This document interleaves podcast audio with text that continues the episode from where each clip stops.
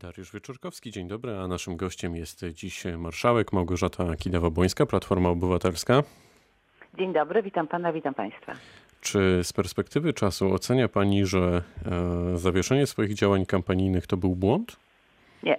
To była bardzo słuszna decyzja i będę cały czas głośno mówiła to, co mówię od y, tego czasu, kiedy powiedziałam, że wybory w maju nie mogą się odbyć. Mówiłam, że wybory wtedy na tej konferencji, że wybory nie mogą się w dbaniu odbyć, dlatego że ja muszę myśleć i dbać o bezpieczeństwo i zdrowie Polaków.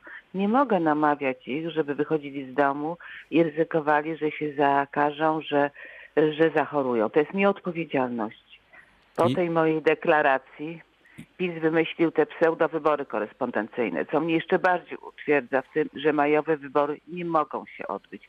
Nie mogą się odbyć i robię wszystko ja i cała koalicja obywatelska i część posłów w ogóle opozycji, żeby wybory były w bezpiecznym czasie dla Polaków i przeprowadzone przez Państwową Komisję Wyborczą. Pani marszałek, Tak to wejdę, powinno. wejdę w A, a, słowo. a to, co mamy, to po prostu jest, to jest po prostu coś zaskakującego, że potrafimy zniszczyć wszystko i nawet nie chcemy, żeby w Polsce były normalne wybory, bo ktoś postanowił, że wybory muszą być wbrew woli Polaków, wbrew, ich bezpieczeństwu i wbrew po prostu Wejdę w słowo. prawu. Jak w takim razie e, tłumaczyć e, sondaże? No bo większość z nich pokazuje, że prezydent Andrzej Duda wygrywa w pierwszej turze. To znaczy, że może jednak Polacy tak czy inaczej mają swoje zdanie w tej sprawie i uważają, że te e, wybory jednak powinny się odbyć.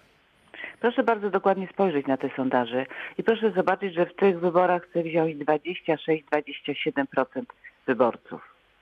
Bardzo mało, bardzo mało, więc ja się nie dziwię, że wszyscy kandydaci opozycji mają słabe wyniki, bo nasi kandydaci, a szczeg- nasi wyborcy, a szczególnie moi, wyraźnie mówią, wybory w maju nie. Więc to jest, pokazuje tylko tyle, że że nawet wyborcy Prawa i Sprawiedliwości w całości nie chcą iść na wybory, bo gdyby chcieli iść w całości, to prezydent Duda miałby lepszy wynik. E, Czym właściwie chce Pani ująć Polaków? Gdyby miała Pani wskazać takie trzy najważniejsze punkty swojego programu, to co by to było? Kiedy przedstawiałam mój program, byliśmy przed pandemią. Nie wiedzieliśmy, że to wszystko się wydarzy, ale mówiłam o trzech rzeczach.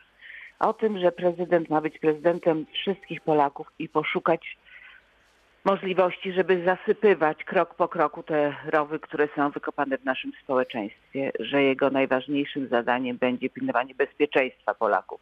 Bezpieczeństwa zdrowotnego, ekonomicznego, prawnego, prezydenta, który będzie pilnował praw każdego obywatela. I okazuje się, że po tej pandemii, czy w czasie tej pandemii, mówienie o tym bezpieczeństwie Polaków, o bezpieczeństwie każdego z nich osobna ma ogromne znaczenie. Tylko teraz trzeba zacząć tę rozmowę na nowo i zobaczyć, co możemy zrobić, kiedy skończy się pandemia, co możemy zrobić razem. Wiemy, że ochrona zdrowia, że środowisko, edukacja wymagają natychmiastowego wsparcia wszystkich Polaków i przygotowania programów na wiele lat. Czy w takim razie służba zdrowia powinna zostać e, sprywatyzowana? Nie wiem, kto o tym mówi. Ostatnio pan prezydent Duda strasznie dużo czasu poświęca prywatyzacji służby zdrowia.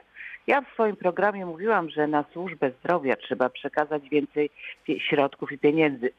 Mówiłam o tym, że te dwa miliardy, które poszły na telewizję publiczną, mogły być przeznaczone na, na pomoc onkologii. Pokazywałam, że możemy w naszym budżecie znaleźć prawie 20 miliardów na to, żeby wyposażyć lepiej szpitale, podnieść zarobki lekarzy. I nawet teraz w tej tarczy antykryzysowej, którą przedstawiał rząd, chcieliśmy więcej środków na ochronę zdrowia, tym bardziej, że są pieniądze unijne. Rząd z tego nie korzystał. To Więc to powtórzę tak pytanie, naprawdę- pani marszałek. Ja- czy, ja czy, mówię, czy w takim razie powinniśmy mówi- prywatyzować, czy nie? powinniśmy uzdrowić służbę zdrowia.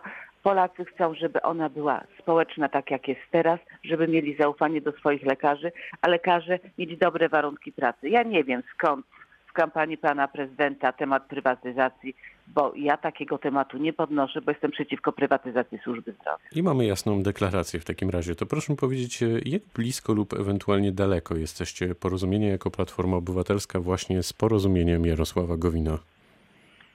Wszystkie e, środowiska opozycyjne, a teraz doszedł do tego pan Gowin, rozmawiają o tym, że wybory w maju są niebezpieczne i nie mogą się odbyć. I wszyscy zgadzamy się z tym, że wybory muszą być przeprowadzane przez Państwową Komisję Wyborczą.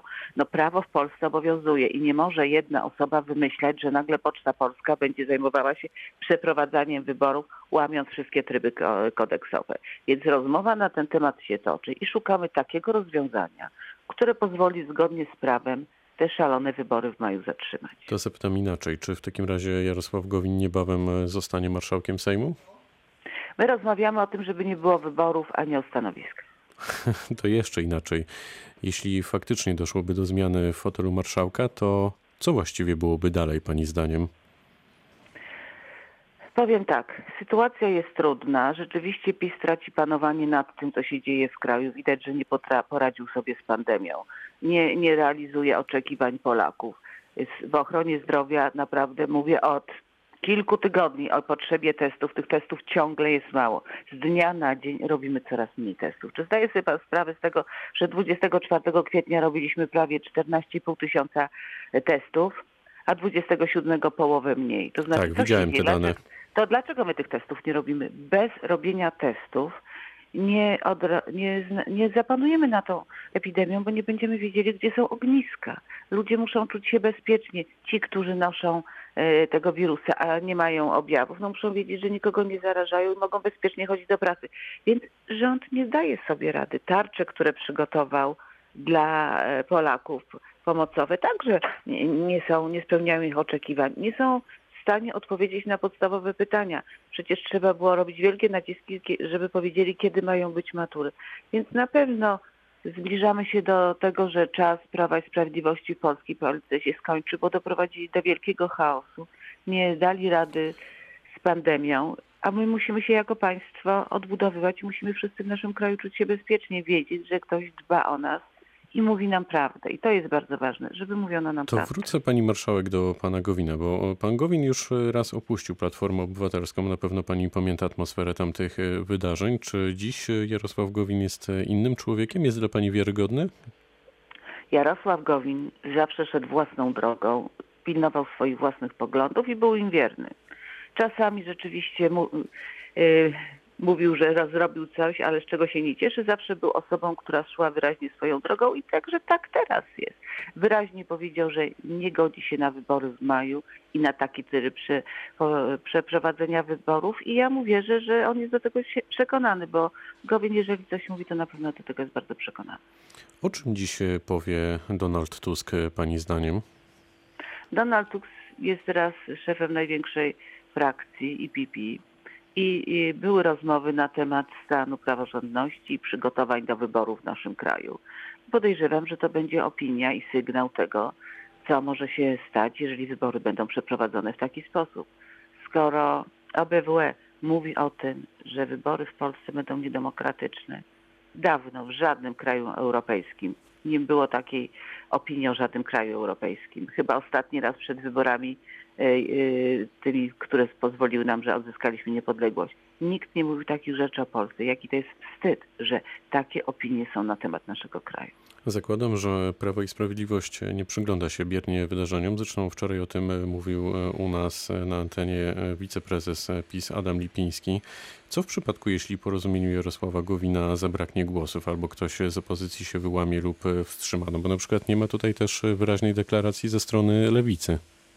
A czy wszystkie kluby E, opozycyjne są zdania, że wybory nie mogą odbyć się w takiej formie. I wszystkie, mimo różnic, bo różnimy się przecież jako partie polityczne, zgadzały się, że wybory muszą być bezpieczne dla Polaków. Także ja o opozycję w Sejmie jestem spokojna. Wczoraj na konferencji prasowej powiedziała Pani, że bardzo wielu posłów, także tych e, związanych z ruchem Gowina i także z Prawej Sprawiedliwości widzi, że wybory 10 maja, to jest cytat z Pani, to absurd. Tak. E, o kim Pani mówi, o jakiej liczbie? Znaczy, rozmawiam z ludźmi i słucham tego, co mówią i to i no każdy przy zdrowych zmysłach, kiedy widzi, o ile osób w danym regionie zachorowało, kiedy widzi, że ludzie nie mogą wychodzić z domu, nie mogą pracować, no ludzie myślą racjonalnie i odpowiedzialnie. I nawet przekonanie, że ich szef partii czy y, lider jest nieomylny, no jednak czują, że coś jest nie tak. To jest prowadzenie Polaków tak naprawdę na utratę życia.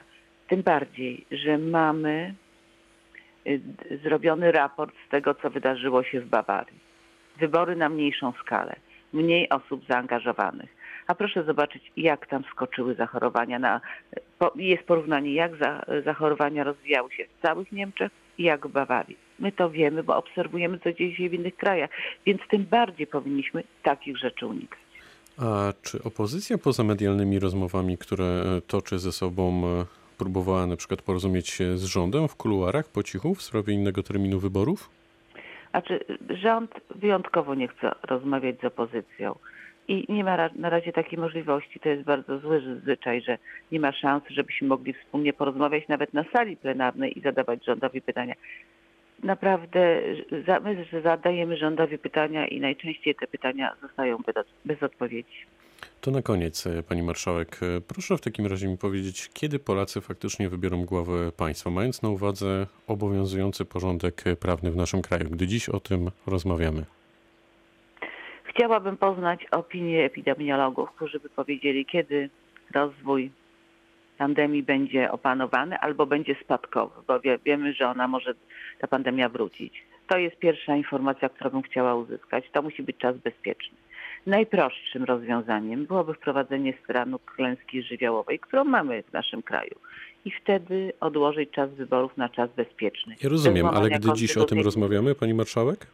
Dziś. Wydaje mi się, że jesień mogłaby być takim czasem, ale powinniśmy najpierw zapytać ludzi, którzy wiedzą, jak ta choroba się rozwija. I to powinno być pierwsze pytanie, na które powinniśmy dostać odpowiedź. Czyli w zasadzie w tej chwili, gdy o tym rozmawiamy, to nadal nie wiadomo, kiedy Polacy wybiorą głowę państwa. Tak? nie wiadomo kiedy i na jakich zasadach. Wiadomo, że maj, tym bardziej, że minister Szumowski cały czas mówi, że u nas ciągle liczba zachorowań będzie rosła, czyli jesteśmy na tym znoszącym. Trzeba poczekać, kiedy to się zatrzyma i wtedy zacząć przygotowywać się do wyborów. Powiedziała marszałek Małgorzata Kidawa-Błońska, Platforma Obywatelska, która była dziś gościem rozmowy Dnia Radia Wrocław. Bardzo dziękuję za spotkanie. Dziękuję bardzo, do widzenia, do Pytał. Dariusz Wieczorkowski. Dobrego dnia.